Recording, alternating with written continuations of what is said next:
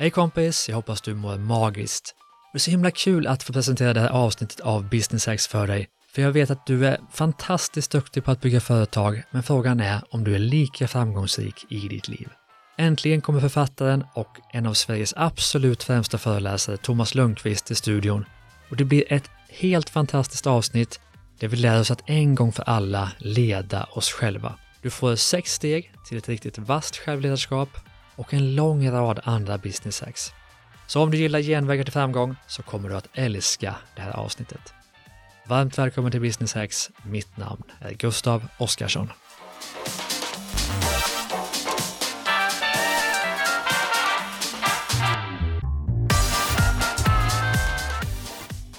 Tjena Thomas Lundqvist och välkommen till Business Hacks. Hallå, tack så hemskt mycket. Ser pigg ut. Ja, jag känner mig stark idag. Verkligen. Du sa just innan vi körde igång att förut, eh, för några år sedan, så föreläste du fyra till fem gånger i veckan, Mm. men nu är det två eller tre gånger. Mm. Så du ser ut att ha gått ner tio år i ålder. jo, men jag tror faktiskt att man eh, håller sig fräschare och mer eh, långsiktigt fräsch om man jobbar lite mindre och eh, stannar upp lite mer. Och det kommer vi prata lite om idag kanske. Absolut. Men du, innan vi går in på dagens tema, kan vi inte bara få en liten recap på vem du är? Vi säger att en tidning skulle beskriva dig i din korta artikel. Thomas Lundqvist, föreläsaren, författaren. Hur hade de beskrivit dig? Ja, det finns olika bilder om vem jag är. Alltså i grunden är jag civilekonom som blev intresserad av människor istället för siffror. Mm. Eh, Jag blev liksom nyfiken på vår biologi och, och började skriva böcker om eh, vår biologiska förmåga i olika situationer. Mm. Jag började med en bok som heter Biologiska ledarskapet, men sen har det utvecklats det författarskapet. Så idag jobbar jag med många olika saker. Jag kanske ogärna vill kalla mig expert, utan mer att jag är- har ganska bra koll och ganska kunnig på hur människor fungerar i olika situationer. Mm. Men du är här som expert. Visst var du Ja. också vd, du var vd på Junibacken? Ja, till exempel Mhm. har jag varit vd för Junibacken. Jag har varit vd för ett eh, chefsnätverk som heter Close, som är Ja. Sveriges största chefsnätverk. Jag Mm. har jobbat som eh, chef inom McDonalds-koncernen, framförallt med att öppna nya McDonalds-restauranger under en tid och de var väldigt expansiva i Sverige. Mm. Jag minns ett tips som du gav till mig för många år sedan när vi jobbade ihop som handlade om Judimacken och hur ni fick fler personer att vilja köpa årskort. Ah, kan du inte bara tänker på ta det, för jag ja. gillar det så mycket.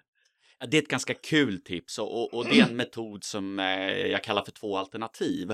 Och det är tricket att, att eh, ta mer betalt och öka försäljningen. Och det är ju ett trick som många företagare sitter och funderar på. Mm. Hur kan jag ta mer betalt och på så sätt öka försäljningen? Och det vi gjorde då, eh, nu kanske priserna är annorlunda på Junibacken, jag vet inte, men det var helt enkelt så att ett dagkort kostade 95 kronor.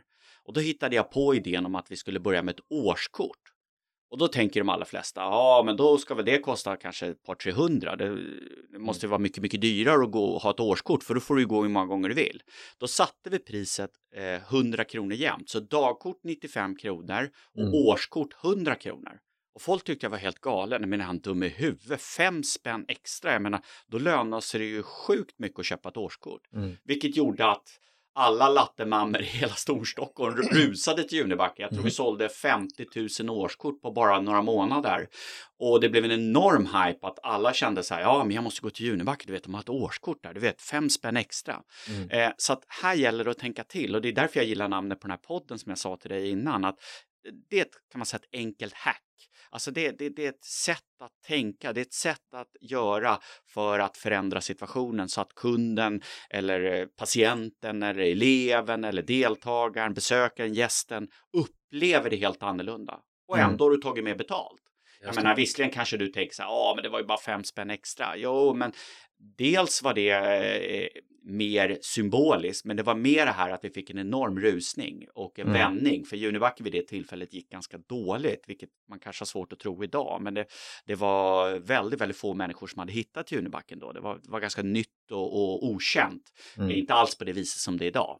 Så ni fick en hype, men ni fick också människor att komma dit och köpa mer godis, köpa mer glass, köpa mer lunch eller vad det kan ha varit. Så det blev ju en merförsäljning på det också. Dessutom, och så Mm. vet du ju det att om, om du nu bodde i Stockholm och, och, och var lattemamma eller lattepappa, det är klart Mm. att då hade du besök från någon annanstans i Sverige eller utomlands och du hade årskort. Det är klart att du drog med dig folk. Så vi hade ju Mm. liksom alla årskortsmedlemmar då som vi kallar för, de blev ju våra ambassadörer. Och Mm. just den tanken att skapa ambassadörer, att se till att dina kunder eller dina patienter, deltagare, elever blir ambassadörer och, och berättar bra saker om dig och drar med dig. Mm. Det är supersmart, vad du än driver för business. Spännande, så vi har ju fått ett Mm. business hacks här som heter duga redan i Mm. första minuterna i podden. Det, det är ju magiskt.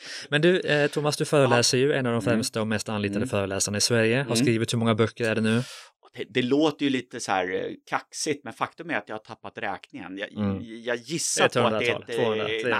Nej, säg att det kan vara ett tiotal. Tiotal. tiotal. Mm. Eh, två på engelska eh, och kanske sju, åtta någonting svenska Mm. böcker. Eh, men men det, det låter lite kaxigt, men, men faktum är att när man har gjort eh, ganska mycket saker, skrivit ganska många böcker, då, då, då blir det svårare att hålla räkning på det. I början var det så här, wow, min första bok, min andra bok, min tredje bok. Men sen blir det liksom inte lika stort den sjunde, åttonde, Mm. nionde, tionde boken. Just det, spännande. Mm. Och just nu är du aktuell, eller främst aktuell med boken Egokoden. Mm. Det är lite kul, för det är en lite ny typ av bok. Det är en lite ny genre jag gett mig in på. Mm. Tidigare har jag jobbat väldigt mycket eh, hur man som företagare eller som person ska leda andra. Och den här handlar ju mer om hur du leder dig själv, det vill Mm. säga det bygger på princip, idén till hela boken fick jag faktiskt eftersom jag reser mycket när jag satt ombord på ett SAS-plan eh, på väg någonstans, var, var vet jag faktiskt inte, där, där eh, det var en säkerhetsgenomgång och då sa hon så här Tänk nu på att i händelse av en nödsituation, sätt på dig din egen andningsmask innan du sätter på en annan sin andningsmask. Och där kände jag nyckeln fanns till egokoden. Att först förstå och kunna leda sig själv innan man överhuvudtaget kan leda andra människor. Mm. Du, du som lyssnar på det här är den viktigaste personen i ditt liv. Frågar man människor vem är viktigast i ditt liv så tänker vi ofta på vår partner, våra barn, vår mamma, våra syskon. Väldigt få människor nämner faktiskt sig själva som den viktigaste personen i sitt liv. Så den egokoden handlar om att hitta koden till dig själv, alltså Mm. nyckeln till att förstå dig själv och leda dig själv på ett bättre sätt. Spännande, och det är det vi ska snacka om idag. Mm. Jag upplever ju också att många som driver företag, de som lyssnar på det här, är duktiga på att bygga bolag, Mm. men man tar inte hand om sin hälsa, Nej. man tar inte hand om sin egen utveckling eh, ibland, man tar inte hand om sin privatekonomi, utan man har 100% eh, fokus på, på bolaget. Mm. Så idag ska vi ägna oss åt självledarskap. Ska vi sammanfatta det i självledarskap? Ja, jag tycker det är bra. Ja. Ibland brukar man säga inre ledarskap, men jag gillar faktiskt ordet självledarskap. Ja, men det håller jag med om.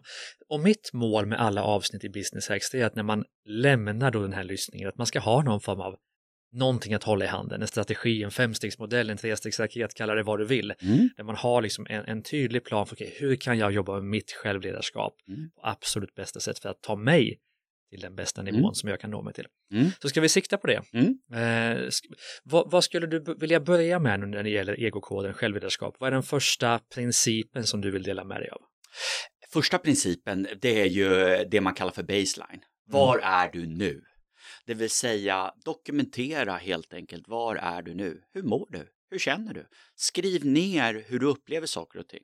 För om du ska med på en resa nu eh, tillsammans med mig och dig Gustav, eh, då är det ju bra att veta var du var från början. Ofta så drar vi igång massa grejer och så minns vi för sen inte efteråt. Hur var det egentligen när jag startade? Så ska du göra en resa då är det alltid bra att göra en baseline-mätning. Det vill säga att titta, var är du nu? Och, och det är konkret liksom. Hur trött känner du dig när du vaknar på morgonen? Gå fem trappor upp. Hur andfådd är du? Spela in eh, på telefonen hur andfådd du är efter att ha gått upp fem trappor eller gjort någonting. Och sen ett år senare eller tre månader senare så gör du precis samma sak, spelar in och så hör du skillnaden. Och det är först då du märker utveckling. Det här kallar jag för självdokumentation som är Mm. otroligt viktigt. Och återigen en sån här grej som företagare missar. Vi är bra på att dokumentera andra grejer. Vi har ekonomi och vi har massa sätt att mäta saker och ting i ett företag. Men vi mäter oss själva väldigt, väldigt dåligt eller summariskt. Alltså, ah, men det känns inte så bra. Mm. Ah, Okej, vad, vad betyder känns inte så bra? Så Mm. skriv ner, gör en, en A4-sida, en baseline brukar man Mm. kalla det för. Och vad är det vi borde mäta? Ja, det beror ju på lite vad du vill utveckla. Men, Mm. men om, om vi tar en sån här konkret sak som hälsa, Mm. ja då kanske det är just eh, hur du mår, hur du känner dig, eh, hur lång tid tar det att somna på kvällen, hur många gånger vaknar du per natt eller hur ofta känner du orolig varje dygn och så vidare. Och så mm. skriver du ner det. Nej, men jag sover sex timmar, jag vaknar i snitt tre gånger per natt, jag känner mig orolig flera gånger per dag och så vidare. Eh, känner mig stressad, känner mig orolig. Och då kan man använda sig av ett verktyg som är väldigt bra och det är ett verktyg som kallas för självskattning. Mm. Och det är att man bedömer det på en 10-gradig skala. Mm. För så här, det känns okej. Okay. Vad betyder okej? Okay? Eh, så precis som när du är hos läkaren och har smärta, då får du ju bedöma din smärta på en 10-gradig skala. Här kan mm. du då bedöma din andfåddhet, din trötthet, din oro på en 10-gradig skala. Och då brukar man säga att 10 är max och 1 är ingenting. Mm. Och då kan man skatta sig inom kanske fem eller sju områden. De som, som är viktiga för en själv, ja. Ja, mm. här, här tycker jag så här, Thomas, kan du inte säga vad jag ska skatta? Ja, det kan vara svårt att veta vad, vad du har problem med. Men, men kan, generellt sett så kan man väl säga att det är till exempel oro, psykisk ohälsa. Det kan vara Alltså det är det man kallar för psykisk ohälsa. Mm. Men det kan också vara fysisk hälsa, alltså vikt, eh, andföddhet, dålig kondition och så vidare. Så, så inom fysisk och psykisk ohälsa finns det ju sedan underområden. Men, mm. men Gör det inte för stort. Låt mig vända på det. Jag vill ju ogärna snacka om psykisk ohälsa utan gärna mer om psykisk hälsa. Bra Gustav, mm. helt mm. rätt. Alltså vi ska fokusera på det som funkar. Så att var inte rädd för att skriva ner bra saker också. Mm. Det här känns bra. Så Energinivå inte... kan vara en annan sak såklart. Jättebra, mm. bra idé. Energinivå. På en 10-gradig skala, hur stor energinivå har jag just nu? Mm, mm. Uh, och känner man att den faller, alltså jag brukar lite skämtsamt säga så här, vi har bättre koll hur vi laddar batteriet till vår dator och mobiltelefon och iPad och hur mycket batteri vi har kvar i de enheterna mm. än hur vi laddar oss själva och hur mycket batteri vi har i vår egen kropp. Mm. För vår kropp är också en slags enhet som behöver laddning som behöver någon slags charging. Så att där missar vi ofta. Mm. Och vi har bättre koll som sagt var, kanske också bättre koll på andra. Vi ser så här, du Gustav, du ser lite trött ut, behöver du liksom gå lite tidigare idag? Men vi mm. ser liksom inte oss själva och det är där just självdokumentationen är så bra. Just det, någon form av löpande utvecklingssamtal med sig själv kan vi kalla det. Bra, mm, bra, tack så mycket. Bra, bra vänliga idéer Gustav. Bra. Det är så, så någon form av, av baseline ja. eh, och sen så för man då en dagbok kan vi kalla det, löpande utvecklingssamtal med sig själv för att se hur det går, bra. kanske varje dag om man vill, mm. eller en gång i veckan, men ja. förmodligen varje dag tror jag. Om du kollar jag energinivå och sådär. Jag tror det. Och sen så har du kanske mer ordentlig sittning en gång per månad eller vecka eller vad det nu kan vara mm. och se okay, hur går det, går jag upp eller går jag ner, okej okay, vad har jag gjort för att hamna där mm. och vad behöver jag göra annorlunda. Jättebra sammanfattat. Kanske inte att eh, jobba med vad ska jag göra annorlunda varje dag, utan bara skatta varje dag mm. och så bestämma ett intervall när du mm. går till action på olika, mm. olika points då kan man säga. Så baseline. Det är jätteviktigt. Men, men, men, det som är kombon som är så bra att du sätter ord på Gustav, mm. det är också när du väl börjar med en baseline, då börjar du med någonting som man kallar för reflektion. Mm. Alltså det är en princip, vill man vara lite cool så kan man kalla det för debriefing. Att, mm. att du börjar liksom att fundera på är dig själv. Cool då? Om man säger debriefing, är man, är man per automatik cool? Ja, det är lite coolare skulle ja. jag säga, okay. äh, faktiskt, Nej, en, en reflektion. en reflektion i alla fall. Jo, och, och, och det att, att, att stanna upp och reflektera, mm. det har man sett är otroligt hälsosamt för människor mm. i sig. Alltså skit i, i, i liksom att du inte gör någonting. Vi säger att du, du kommer inte på några grejer att göra, utan det enda du egentligen gör det är att du börjar skriva en dagbok och reflektera. Mm. Det kommer att vara otroligt eh, framgångsrikt. Folk mm. vet inte hur bra det är och det till och med ledde till ett Nobelpris 2009. Elisabeth Blackburn fick Nobelpriset för just vikten av att stanna upp och reflektera. Mm. Eh, ibland har man ett, ett annat ord som man kallar för meditera, det vill säga att man stannar upp och, och, och bara liksom är i nuet. Och det har man sett är otroligt hälsosamt. Mm.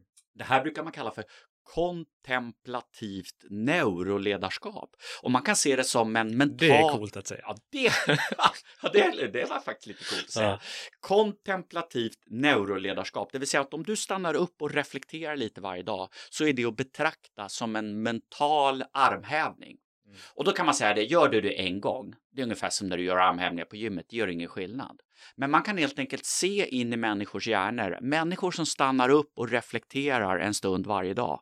Efter 68 veckor så har de fått neurala förändringar. Alltså hjärnan är starkare, hjärnan är mer rustad. Precis som om du har gått på gymmet 68 veckor och kört armhävningar. Mm. Eller vad du push-ups eller vad du nu har kört. Mm. Så blir musklerna starkare. Och det här är viktigt att förstå att, att reflektion är ett sätt att träna och utveckla och stärka din hjärna. Det är mm. jobbigt. Mm. Och, och, det här kallas just för superkompensationsprincipen. Att du gör saker och ting som är jobbiga. Alltså du kommer att, börjar du med det här sättet att jobba, alltså mm. skapar en baseline, börjar reflektera, så kommer du känna trötthet. Ja, men jag orkar, ja, men jag orkar inte sätta mig och reflektera.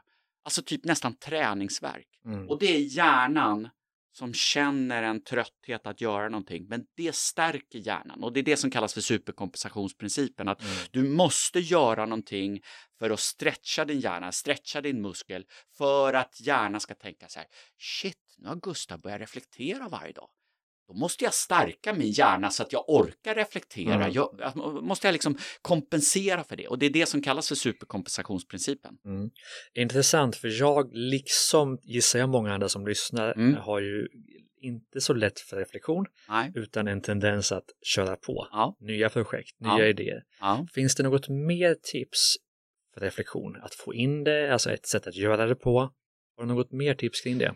Ja, faktiskt, men, men det är ett jobbigt tips och, ah, och ett tips som folk faktiskt inte gärna vill höra. Och mm. det är mm. också faktiskt ett tips eh, som är baserat på ett Nobelpris. Mm. Thomas Schilling fick Nobelpriset 2005 för eh, sina tankar om det som kallas för självtvång. Mm. Och det låter inte så coolt och det låter inte så positivt. Men det är helt enkelt att du skapar situationer där du blir tvungen att reflektera. Alltså vad menar jag då? Jo, det, nu hittar jag bara på här Gustav, men, men vi leker med tanken att du har saker du ska göra varje dag. Mm. Men du får helt enkelt inte göra det. Vi säger att eh, du använder din Macbook varje dag eller mm. din dator varje dag. Och för att du ska kunna logga in så måste du ha gjort den här reflektionsövningen. Datorn mm. säger du kan inte, datorn kommer att starta som tre minuter. De här tre minuterna måste du använda för reflektion, annars kommer du inte in i din mail. Mm. Då har man skapat ett självtvång. Man har gjort någonting som man är tvungen mm. att göra det innan man kommer vidare.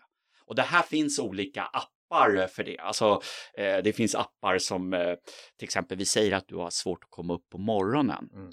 Då finns det appar som eh, vi, vi leker med tanken att du håller på ett lag och du hatar ett annat lag. Då finns det appar som, som om du inte stänger av ditt larm, mm.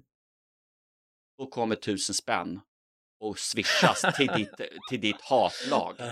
Och det är ett sätt att skapa självtvång för att komma upp på morgonen. Så här kan du lägga v in... Vad heter den här appen? Jag måste ladda hem Åh, jag kommer inte ihåg vad den heter. Åh, den får vi kolla upp vad den Verkligen heter. Ah, det är så sjukt coolt. Ja. Och, och det som sagt det är också Nobelprisnivå på det, mm. eh, på den tanken. Och då kan man tycka så här, är det liksom raketforskning? Ska man få Nobelpris för det? Ja, det är på den nivån den här tankarna ligger och jobba. Det här, det här är inget nytt om man nu tänker så här, ja, man fick Nobelpriset. Det omnämns redan i de grekiska mytologin. Då kallas mm. det för Odysseus kontrakt. Mm. Eh, det här sättet att man helt enkelt eh, skapar förutsättningar för självtvång. Och här är en viktig lärdom. Det är också att man kan ta hjälp. Mm. Be någon att påminna dig. Gör saker och ting tillsammans. Jag menar, ibland känner du så här, för att jag ska komma iväg på min fysiska träning så måste jag ha någon att träna med. Mm. För att du ska komma iväg på din baseline, för att du ska komma iväg på din reflektion, så kanske du ska göra tillsammans med någon. Mm.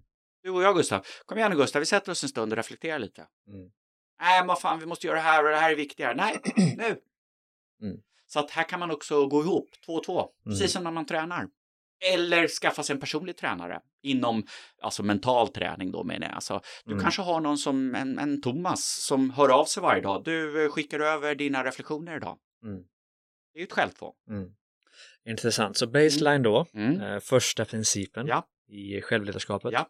Princip nummer två, då blir jag oerhört nyfiken. Princip nummer två, alltså om man nu tänker sig då att man har gjort en baseline, Jag tycker väl kanske att börja reflektera är lite steg två. Mm. Men, men om du känner att det är ett, ett litet halvsteg så, så, så får vi väl liksom ta nästa Mm. steg. Om, om vi du då ser då att nej, men jag har identifierat några områden. Mm. Då är trick nummer två att gå ut långsamt. Och det är ju något som är assvårt för skickliga företagare. För för en skicklig företag så handlar det väldigt, väldigt mycket om att vara snabb, att agera snabbt, fort fram, att liksom agera med kraft. Här tyvärr är inte vår kropp rustad på det viset. För lägger du in mycket kraft, alltså mycket energi i någonting, så bildas det alltid en motkraft tillbaka. Det är det uttrycket, så här, ett steg, två steg fram, ett steg tillbaka. Mm. Så att här är idén att börja i liten skala.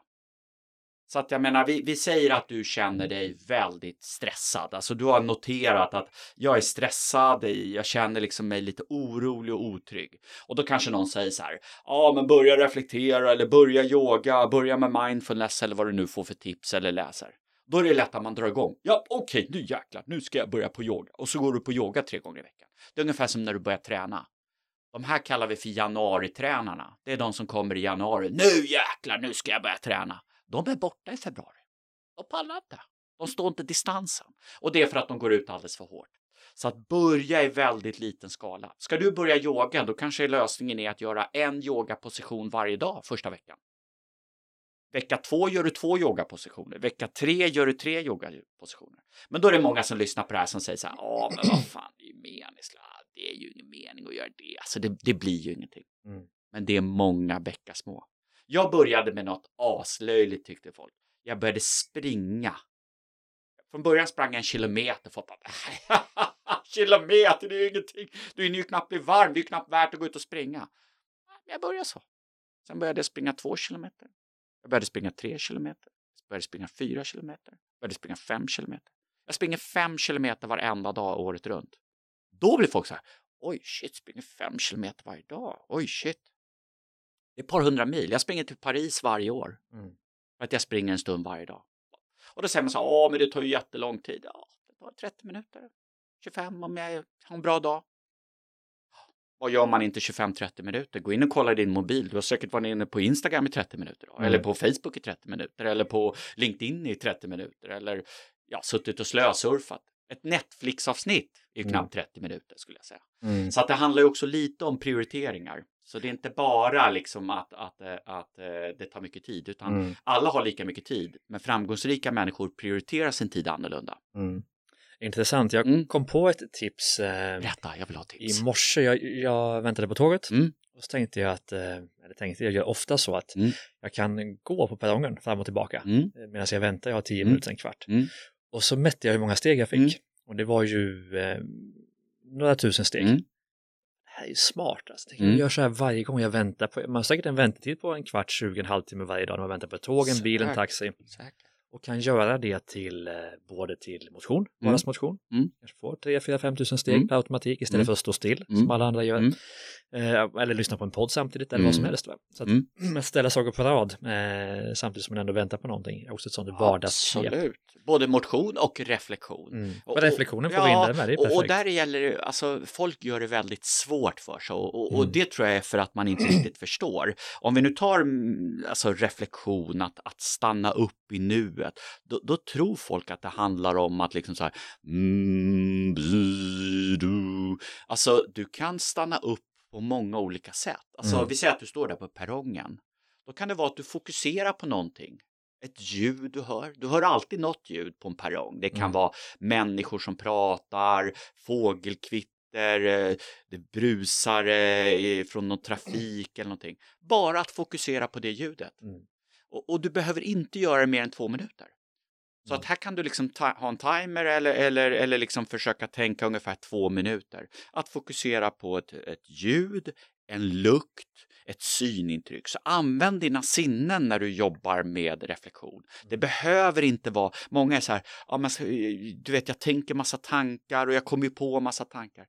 Eh, tror du, vilket många tror, att, att, att du kommer liksom sluta tänka jobbiga tankar, att allting kommer bli bra, då har du drabbats av det som kallas för en dödes önskan.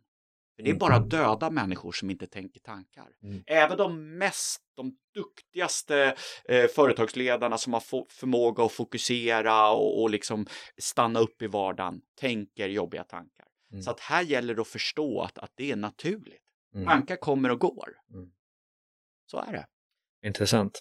Men nu har vi tagit oss förbi baseline, Ja, vi har tagit oss förbi reflektion, Ja. vi har gått ut långsamt. Ja. Vad tar vi vägen nu?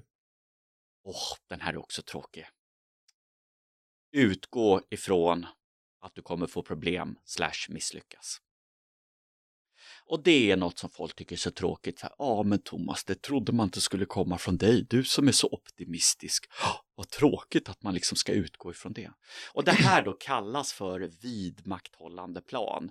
Och, och det är lite så här, kan låta lite trist att ha en vidmakthållande plan. Så, så det finns ett annat ord som jag också använder mig av i boken som kallas för genomförandeplan. Och det är helt enkelt en plan du har vad du ska göra när du stöter på problem. Så För man vet kommer. om det innan. Ja. Och vad kan det vara för problem? Jo, du blir skadad, du blir förkyld, det är tre sjuka, det är vinterkräksjuka, eh, du ska skilja dig, eh, barnen har fått ADHD, inte vet jag. Mm. Men ska du då identifiera de, alltså problemen innan? Ja, Mm. du ska tänka ut värsta tänkbara scenario och det Okej. tycker folk är helt galet. Ska man verkligen sitta och fundera på det? Är det viktigt att tänka positivt nu? Nej, verkligheten kommer alltid ikapp dig. Alla företagare, alla framgångsrika människor har stött på problem. De som är skickliga, de är förberedda på de problemen och tänker så här, nu kommer det här, jag förstod att jag skulle få ett bakslag. Mm. Och det här brukar man då kalla just för bakslag och man använder just det här begreppet bakslag och återfall. Och, och, och man använder de här missbruksliknande begreppen och det tycker folk så här, åh, det känns lite tråkigt att prata, jag är ju ingen missbrukare. Men man använder sig av bakslag och återfall. Och bakslag, det är helt när, när man drabbas av ett bakslag. Vi säger att du har bestämt dig för att börja träna, eh, reflektera, men sen av olika skäl så kan du inte göra det. Du är ute och reser, det är mycket, eh, du glömmer bort det. Mm. Då är det lätt, det kallas då för bakslag. Mm. Då är det lätt att tänka så här, ah, det, vet det är som vanligt, ah, det är skitsamma, nej, jag får, nej, nej, nej. Och då går man tillbaka i det gamla beteendet. Så ett bakslag leder ofta till återfall. Mm. Och det kan vara, vi säger att du har bestämt dig för att äta nyttigare. Och så drabbas du av ett bakslag. Du sitter framför Idol och så trycker du i dig en chipspåse. Nej, nu är det kört. Nej, nej, nej. Då kan jag lägga ner den här hälsosatsningen. Nej. Och så blir det ett återfall. Så att var beredd på att du kommer drabbas av bakslag och var lite snäll mot dig själv där. Därför där är vi ofta otroligt tuffa mot oss själva och väldigt, väldigt hårda mot oss själva. Så att tänk på i att skapa en genomförandeplan, en plan för hur du ska agera då saker och ting skiter sig. Mm. För det kommer det att göra. Kan du ge ett exempel?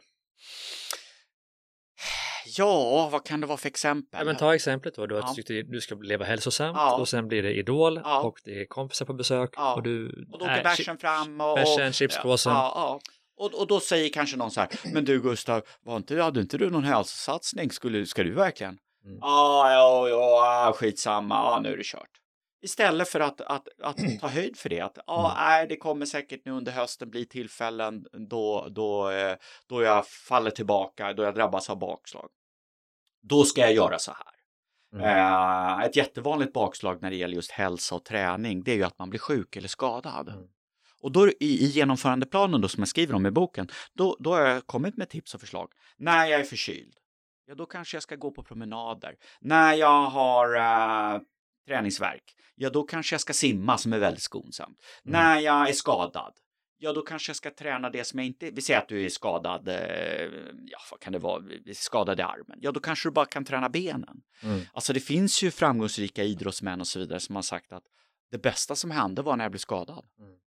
För då stannade jag upp och liksom började träna andra grejer. Mm. Medan för vissa säger, du vet, när jag fick den där skadan, ah, det var kört, jag kommer aldrig tillbaka igen. Mm. Och, och, och skälet till varför man kommer tillbaka eller inte kommer tillbaka, självklart beroende på hur stor skadan är och hur svår skadan är, är hur man hanterar bakslaget.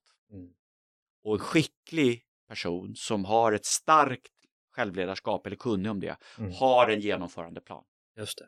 Mm. Och samma sak i bolaget naturligtvis. Samma vad är det värsta sak. som kan hända? Vad är det vi inte ser? Vilka Ja. misstag kan vi göra som vi inte har förstått Nej. än? Vad kommer konkurrenterna göra som vi inte har förstått? Ja. Och vad, vad är planen? Att Ja. planen finns. Så kanske på något sätt tillsammans då tänka ut vad är de fem största misstagen, utmaningar, problemen som vi kan stå för, Ja, som vi inte har tänkt på än. nej, Och vad gör vi när de händer? Att utgå från att det kommer hända. precis. Och då, är behöver man fo- förberedd. Då behöver man inte fokusera på det i vardagen sen, utan då Nej. vet man, behöver man inte gå och vara orolig, utan då vet man att om det händer så har jag en plan för det. Ja, Du sover bättre på natten. ja. Och det gäller alla situationer. Så Mm. nu, nu tar vi liksom, det kan vara, eh, alltså ibland brukar man kalla det för rescue plans. Det kan vara att vi säger att du är orolig för att prata inför andra människor. Mm. Ja, och, och, och du är rädd att du ska få tunghäfta eller du är rädd att du ska rodna och så vidare. Då kan du skriva ner, om jag får tunghäfta, om jag rodnar, så gör Mm. jag så här. Och bara den vetskapen att man har en rescue plan, Mm. att jag har en plan för att hantera det här, Mm. kommer nästan kännas som när det där väl händer så bara yes, nu händer det, yes, jag är redo. Verkligen. Alltså att, att känna sig förberedd, det är något som, alltså, det går inte att underskatta vikten av att vara förberedd mm. på avvikelse. Avvikelser. Och du kommer också, inte bara att du har en plan för vad du gör om det skulle hända, utan du kommer också så tweaka företaget, du kommer ändra på saker Mm. innan dess Mm. som gör att ditt företag eller ditt liv blir starkare. Jag tänkte på, vi har ju en fastighet nu där vi bor som Mm. ligger vid vattnet och Mhm. det är höga träd som Mm. kan falla ner Mm. och det är vattennivåer i sjön som kanske kan höjas på, av klimathotet, inte vet Mm. jag, jag går och Mm. tänker på massa olika Mm. saker. Så då borde jag alltså ha en plan på att om det faller ett träd så gör jag så här, Mm. om det eh, blir klimatkris och vattnet höjs med en meter så Mm. borde jag göra så här. Så Om det. kommer en bäver i skorstenen så borde jag göra så här Mm. och så vidare. Och då kan man också exempelvis då skicka ett mejl till försäkringsbolaget och säga jag har hittat de här tio potentiella hoten. Mm. Täcker min försäkring det här? Ja, det gör det eller inte. Mm. Då ska man sova bättre på Mm. natten. Skönt.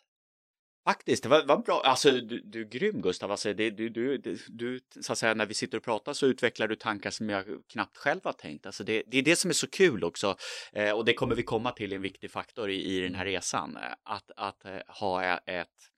Eh, det här kallas för handledda övningar, men det är helt enkelt Mm. att du har någon med dig. Alltså Mm. alla framgångsrika människor har haft någon som de har pratat med. Mm. Och, och, och, och det är inte för att liksom den personen är smartare än den, än den andra. Så det behöver inte vara någon som är supersmart. Men när man formulerar saker, jag formulerar saker nu, du lyssnar och då Mm. formulerar du tillbaka. Det har man sett är också otroligt framgångsrikt, Mm. att, att jobba i par. Eh, det här sättet att tänka utvecklades, eh, det är en speciell metodik som just kallas för handledda övningar. Mm. Och som sagt, då, du vet ju nu vid det här laget att jag vill vara lite cool och då brukar man ibland kalla det för Top Gun-metodiken. Det var coolt. Det var coolt. Det var coolt. Och, och, och då tänker folk som hör det här Top Gun, det känner jag igen, är inte det någon gammal, gammal rulle från Hollywood? Jo, det är en gammal rulle från Hollywood som kom Mm. 1986. Men, men Top Gun finns på riktigt. Det är alltså en utbildning i USA som är state of the art när det gäller att skapa bra ledarskap och självledarskap. Och det är de absolut eh, bästa stridspiloterna i världen som går den utbildningen. Och, och det den utbildningen visar på, det är vikten av reflektion, att man först ska reflektera själv. Sen att man ska reflektera med någon annan och gärna ha en instruktör med. Och sen att man jobbar i par. Det var efter den, den här utbildningen man kom i idén med att ha en wingman. Tidigare hade en pilot alltid flugit ensam. Nu kom man på idén att alltid ha en wingman eller en wingwoman, det vill säga att man flyger alltid i par. Och det är för att någon liksom ska ha lite koll. Så mitt råd till dig i livet, ha en wingman eller wingwoman. Eh, och här vet jag att många företag beskriver sin partner som en viktig del i det. Och då är det så här, vadå, din partner kan väl ingenting om ditt företag? Nej, men, men när jag pratar med henne då kommer jag på smarta grejer och hon har ett helt annat approach. Det är Mm. som när jag pratar med dig Gustav. Alltså, du säger saker och ting jag inte har tänkt på. Mm. Och det gör att min hjärna blir större. Och, och när min hjärna blir större så är det superkompensationsprincipen. Nu när vi sitter och pratar, då tänker min hjärna så här, shit Thomas, här måste jag utveckla mer förmåga för att kunna möta upp i, i samtalet med Gustav. Så nästa gång vi tre, träffas, då är min hjärna förberedd när jag sitter med Gustav. Och nästa gång, och nästa gång, och nästa gång. Och det är det som stärker hjärnan.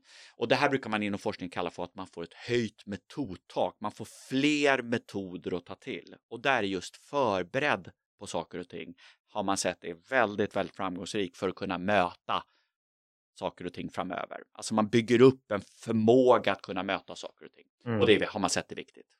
Intressant, så Mm. handledda övningar, blev det punkt fem kanske? Vi får nog repetera, vad, vad är vi? Vi, vi Vi, har, började vi har med ju baseline. baseline, Ja. sen har vi reflektion, Ja. gå ut långsamt, Ja. utgå från att du kommer att få problem. Sen var vi inne lite på handledda övningar nu i kombination med Ja. lite annat smått och gott. ja, jag skulle nog säga det, att, att det är nästa steg faktiskt. Ja.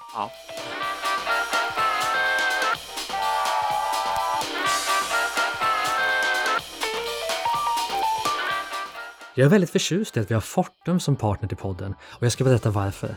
För det första är det vårt ansvar som företagare att välja ett elbolag som satsar på hållbarhet och ren energi.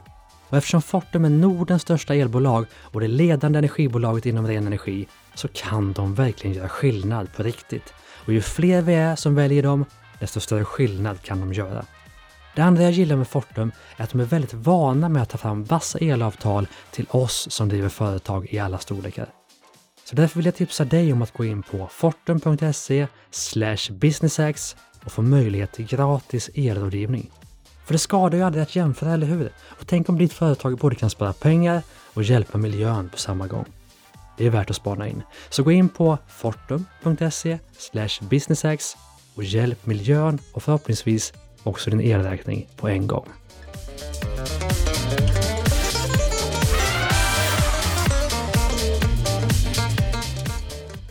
Har, har vi fler steg? Fler steg.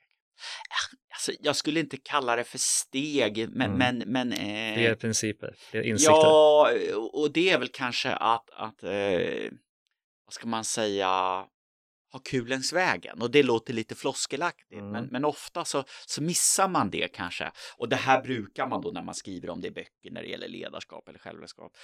Fira framgångar, att liksom eh, kanske ha olika typer av belöningar, alltså Mm. att man har någonting att uppnå jag det här så gör jag det och så vidare. Och där har man också sett att många människor unnar sig inte saker och ting. Mm, Man bara kör vidare, man stannar liksom inte upp och firar framgångar. mm. Så det kan vara klokt att göra. känna igen mig i det, för Ja. vi kan absolut fira med att mentalt så är jag någon helt annanstans. Ja, jag, då har jag sagt till mig själv att jag inte behöver det. ja. Har jag fel då?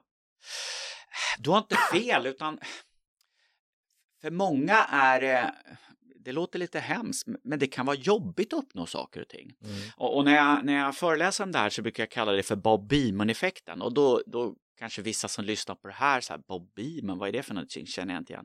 Bob Beamon, han var idrottsman eh, eh, på 60-talet och han hoppade längdhopp. Och det här var under OS 1968. Och, och, och han flög verkligen fram. Han hoppade 8,90 i längdhopp. Och det var typ 40-50 centimeter längre än alla andra. Så han både tog världsrekord och OS-guld i ett. Och då skulle man ju kunna tänka sig att han var överlycklig, han skulle fira. Han beskriver själv att han grät inombords. Mm. Redan när han stod på pallen där och folk trodde att han var lycklig så grät han inombords och bestämde sig för att han aldrig mer någonsin kommer att tävla i längdhopp. Och det gjorde han heller aldrig. Han la av direkt. Jag har ju nått, jag, jag har ju OS-guld, jag, jag har ju hoppat 8,90. Och det, det ansågs liksom som, som omöjligt att nå det. Sen Mm. Långt senare så har man klarat den gränsen. Men det, den var så enormt stor hopp, alltså verkligen i dubbel bemärkelse hopp, vilket gjorde att många kände att det är omöjligt att ta det. Det är så här omöjligt rekord ansågs det som i många år. Så att, att, att stanna upp och fira när man har nått saker och ting, det är inte alls naturligt att göra det. Utan för Mm. många är det en jättesorg. Jaha, ja, nu har jag en miljard kronor. Ja, nu har jag en miljard lyssnare. Ja, nu har jag uppnått det. Och vad ska jag göra nu då? Mm. Det är inte alls så solklart att liksom stanna upp och fira. För folk tänker så här, men herregud, du har ju tagit OS-guld och, och, och, och liksom världsrekord. Du borde ju vara överlycklig. Men det är inte alls säkert att du är överlycklig. Tvärtom, du kanske gråter inombords. Mm. Så, att, så att det tror jag är viktigt att förstå, att stanna upp och fira längs vägens gång. Ofta har vi det här slutmålet, att liksom, ja, jag ska nå mitt Mount Everest, om vi använder berget som en metafor. Jaha, nu har jag gjort det då. Mm. Sen då? Ja, Vad händer sen då? Mm. Så det kan vara väldigt jobbigt faktiskt att nå målet. Så det kan väl också vara att ha kul längs vägen och också tänka på att, att, att, att aldrig nå fram. Och det låter ju lite sorgligt, men, men, men det handlar om i, i att kanske förstå att om du når fram, då måste du kanske reflektera över vad ska du göra sen? Mm. Och det tror jag till exempel många inom idrotten har väldigt, väldigt stora problem med. Vad ska de göra efter sin karriär? Mm. De har fått väldigt mycket uppmärksamhet när de har åkt skidor eller, eller sprungit eller spelat fotboll. Mm. Men de har ju också en karriär efter det eller ett liv efter det. Mm. Jag tror det kan bli väldigt tomt och tyst för många. Mm. Ja. Och samma sak som företagare. Mm. Du kanske gör en exit, tjänar en miljard. Jag vet Mm. inte vad du vill, Gustav, du bygger ju upp bolag och så vidare. Så gör du en exit och så har du 500 miljoner på kontot. Mm. Mm, Okej, sen då? Mm. Ja, det är ju skönt. Jo, jag fattar. Jag skulle också gärna vilja ha 500 miljoner på kontot. Men, men, men, men, den, vad ska du göra sen då? Mm. Så det kan också vara något att fundera på i sitt självledarskap. Vad händer Mm. sen? Det. Men det är mer som kanske inte en princip till, utan mer kanske runt omkring att reflektera över. Mm.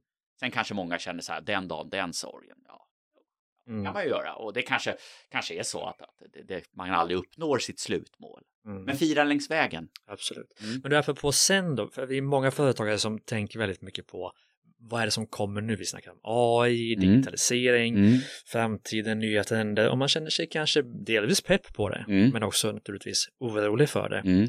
Och du är både expert på försäljning, Mm. ledarskap, numera också självledarskap. Hur ser du på framtiden och finns det några hacks för att ta sig an den på bästa sätt? Uff, åh.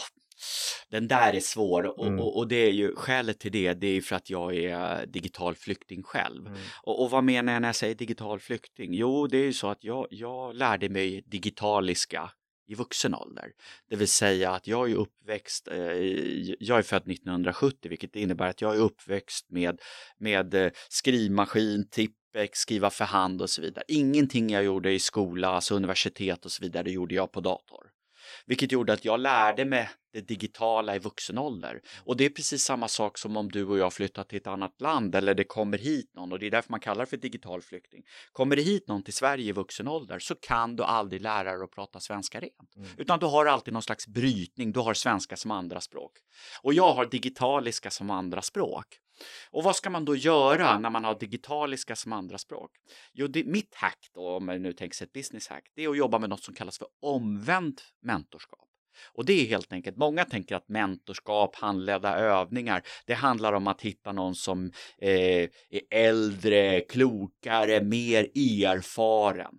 Här är det precis tvärtom. Jag menar att jag borde sätta mig med en tioåring och se hur de använder de digitala medlen idag. Hur använder de digitaliska? Hur, hur, hur pratar de? För de är ju digitala infödingar. De är ju födda och uppvuxna med, med det digitala. Mm. Så mitt råd till dig som lyssnar på det här. Sätt dig med dina barn, häng med när de lirar Fortnite eller World of Warcraft. Sitt och titta i timmar och du kommer lära dig så mycket. Många föräldrar är förbannade så här. Barnen spelar dator och barnen håller på med mobilen hela tiden. Tänk istället, vad är det de gör där? Vad är det de upplever som inte jag förstår? För det är någonting du inte förstår. Så ta rygg på kidsen och Mm. lär dig av kidsen. Eh, för att bli mer trygg i det digitala. Jag själv är usel och tyvärr är mina barn vuxna och utflugna så jag har liksom inga kids att ta, ta rygg på. Skaffa nya. Det är inte aktuellt. Men, men däremot så, så kan man ju eh, andras kids. Mm. Så ett besök i skolan tror jag Mm. kan vara absolut eh, värt. Ja, men även att ha ett omvänt mentorskap med någon som kanske är 20 och har startat ett bolag precis och Ja, digitalt inte? bolag av något slag. Mm. Absolut. Alltså det finns sådana enorma... Och jag upptäcker nya saker varje dag. Det är som Mm. jag berättade om den här appen som jag inte kommer på vad den heter nu. Alltså eh, den här appen so- som gör att om du inte går upp på morgonen så går tusen Mhm. spänn till ditt, till ditt hatlag. Eh, alltså det finns otroligt mycket coola digitala hjälpmedel för just självtvång. Alltså Mm. som just kopplat till att du, du känner dig tvungen att Mm. göra saker och ting. Det finns ju såna här stepplock och så vidare, appar som gör att du måste gå ett visst antal tusen steg. Vi tar det på din perrong där. Mm. Det lätta är ju att man tar upp mobilen när man står på perrongen. Mm. Men då finns det till exempel appar, stepplock, som gör att om du inte har gått ett visst antal tusen steg sista timmarna så är alla appar låsta. Du kommer Mhm. inte in i Facebook, Instagram och så vidare. Intressant. Så att den är kopplad till din stegräknare i mobilen. Så Mm. att för att du ska kunna öppna upp Facebook och kunna sitta på tåget så måste du gå 3000 steg eller 5000 steg. Alltså du kan ställa in det. Mm. Eh, och samma sak, i, nu vet ju inte jag ju Apples produkter, men, men där finns det ju i under skärmtid så kan du också ställa in apparna. Mm. Olika villkor, att du får hålla på max 30 minuter, du får inte göra det vissa tider eh, och så vidare. Och, och, här är det viktigt att man börjar med en princip som hör till den här, till de här stegen. Och det är principen tråkigast först. Mm. Och det låter ju inte så kul. Och det är en jätteviktig princip. Gör det tråkigaste först. Så, eh, Får jag säga emot? Ja, gärna, vad kul! Jag- ja, men du är jag- ju min nej, handledare idag, berätta! Jag vill, jag vill gärna säga gör det viktigaste först. Ja, absolut, okej. Ja, nej, men om du vill det. Eh, så, men, men det har du helt rätt i. Men, men jag jobbar med något som jag kallar för rolighetslistan och Mm. det är att, att om vi säger att du har en to-do-lista. Mm. Eh, och, och där vet jag nu att du, du, du tänker säkert Eisenhowers matris, att det är det viktigaste, eh, bråttom, viktigt och så vidare. Men, men, men den här rolighetslistan, den har ett litet annat upplägg. Och det är Mm. helt enkelt, vi säger att du har tio grejer du ska göra idag. Mm. Du ska spela in poddar, du ska göra det och det och det och det. Och då är det, börja med det tråkigaste först. Mm. Och skälet till varför det är smart, det är dels att bli av med det och dessutom så har du det roliga framför dig. Och, och den här metaforen, vilket vissa tycker är jättemärkligt för de tycker tvärtom, men den här metaforen brukar man kalla för ärtsoppa först, pannkakor sen. Mm. Och då finns det ju alltid någon som säger, ja fast jag gillar ju ärtsoppa mer än pannkakor. Ja, okej, då faller det lite. Principen bygger på att ärtsoppa är lite jobbigt, lite tråkigt, pannkakor är lite belöningen. Mm. Så gör, när du gör dina listor, om du nu jobbar med to-do-listor, så är det en bra idé att göra det utifrån ett rolighetsperspektiv. Mm. Och då är det roligast sist. Mm. Eller tråkigast först. Och vill du då dessutom lägga till viktigast först, så, så, så absolut. Jag okej. säger inte emot dig. Det är okej. Men, Det är men okej. du, eh, vi har fått oerhört många fina business hacks, så vi kanske har fem minuter kvar Ja. att snacka du och jag. Mm. Så vilken fråga borde jag ställa till dig nu för att få ut så många hacks som möjligt ur din hjärna? Jag tycker den viktigaste frågan eh, som, som, som inte har kommit upp riktigt Mm. än, det är eh, var får du allt ifrån? Mm. Därför det här är ingenting så att säga som man bara, det är inte så här att eh, man får en uppenbarelse, utan var får jag allt ifrån? Jo, för mig är nyckeln och, och, och där, där kan det ju förstås, det kan vara olika sätt och nu kanske folk tycker att jag talar lite egen sak här och det är klart, delvis gör jag det. Nyckeln till det här är fokus på att läsa. Mm. Leaders are readers. Och här känner jag en oro faktiskt. Många människor idag läser inte. De anses inte kunna läsa, ha tid att läsa, orka läsa, vilja läsa. Och, och läsa måste man förstå att, att det är ett ganska vitt begrepp och det handlar kanske inte om att läsa en bok. Så tänkte jag förut, att läsa en bok. Men om du nu ska tänka utifrån vad jag eh, har pratat om, om vi nu ska ta boken som exempel. Baseline är, jag läser inga böcker. Okej, ja. Eh, då börjar jag kanske skriva ner, jag läser inga böcker, jag skulle läsa mer böcker, på en 10-gradig skala så är jag svag läsare och så vidare. Ja, då inser jag att jag behöver träna upp det. Ja, då kanske det handlar om att börja med att läsa en sida varje dag. Då tycker folk så här, ja men herregud, läsa en sida, du, din bok Thomas, den är ju 200 sidor tjock, det kommer ju ta ett år. Ja, men efter ett år har du läst boken. Börja springa en kilometer varje dag. Mm. Istället för att inte springa alls. Så att lite är bättre än ingenting. Så att känner du att du har problem med läsandet, börja i liten skala. Och varför kan inte vi kunna se någonting på YouTube? Du kan absolut se någonting på Youtube, men, men där är det lätt att det blir roligast först och tråkigast sist. Mm. Så det är klart att det beror på lite på vad du tittar på Youtube. Jag har inget emot att titta på Youtube. Alltså Youtube är ju ett fantastiskt, eller TED-talk eller vad det nu än är. Men, men, men återigen, där är det lätt att vi dras med i, i, söta katter istället för att titta på sånt som utvecklar. Sen kan det vara superkul och utvecklande att titta på söta katter, det kan jag också tycka. Men mycket av de mediekonsumtion som vi ser att människor använder sig idag är eh, fun to know. Mm. Men det är inte need to know eller good to know. Så jag tycker mer need to know och good to know än fun to know. Och, och där börjar vi ofta med det roligaste först och, Mm. och sen det tråkiga sen.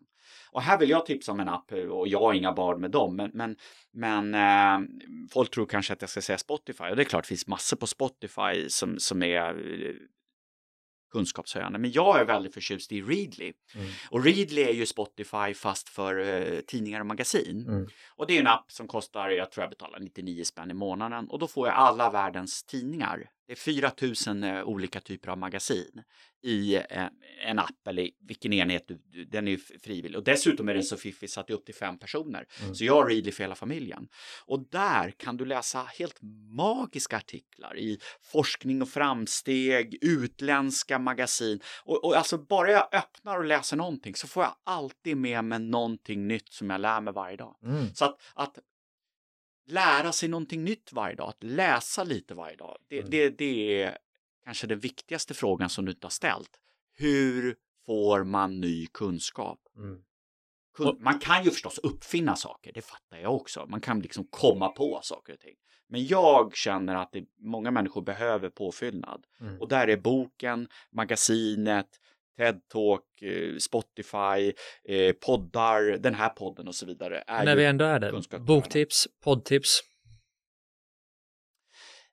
Ja, det beror ju lite på vad man är intresserad av. Är man intresserad av business hacks, det är klart man ska lyssna på business hacks. Mm. Är man intresserad av att starta och driva företag, då ska man ju lyssna på, på, på en podd som, som du har som starta och driva företag. Så att det är väl lite vad man är ute efter. Eh, det finns ju mycket poddar inom väldigt, väldigt specifika Vad lyssnar du på? Inom åt businesshållet, vad läser du, vad lyssnar du på?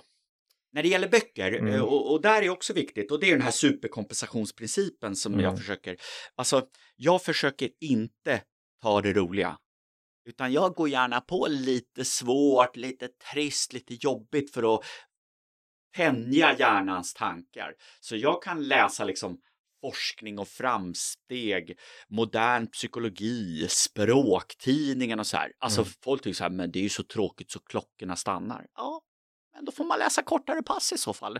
Jag menar, ibland kan armhävningar vara asjobbigt. Det är ju Mm. astråkigt med armhävningar. Ja, men gör tio stycken då. Mm. Så att man får väl göra det i liten, liten skala då.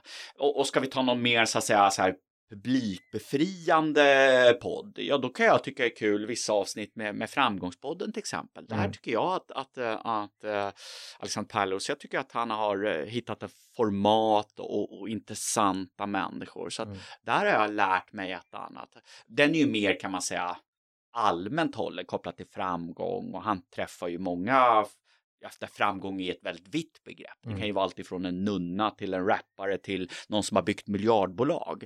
Men, men jag tycker nästan varje gång jag lyssnat så har jag tagit med mig någonting nytt, någonting som jag inte har tänkt på, någonting jag har lärt mig. Mm. Men här kan man göra något så tråkigt, eh, om man nu tycker det är tråkigt, att titta på UR eller någonting på tv. Alltså mer utbildningsradion och kunskapskanalen Mm. än, än Idol. Mm. Alltså, det kanske finns något att lära av att titta på Idol också, så jag Mm. vill inte vara negativ till Idol. Men Mm. Idol är nog mer åt betrakta åt lätt, lättsmält. Just Så jag det. tänker lite mer, lite mer tuggmotstånd. Mm. Jag förstår. Och när det gäller böcker förstås så är det ju mina böcker. Naturligtvis. Och e- ego, eh, Egokoden. är den sista. Ja. Du, eh, som avslutning då Ja. Thomas, innan vi, vi lägger ner det här. Mm.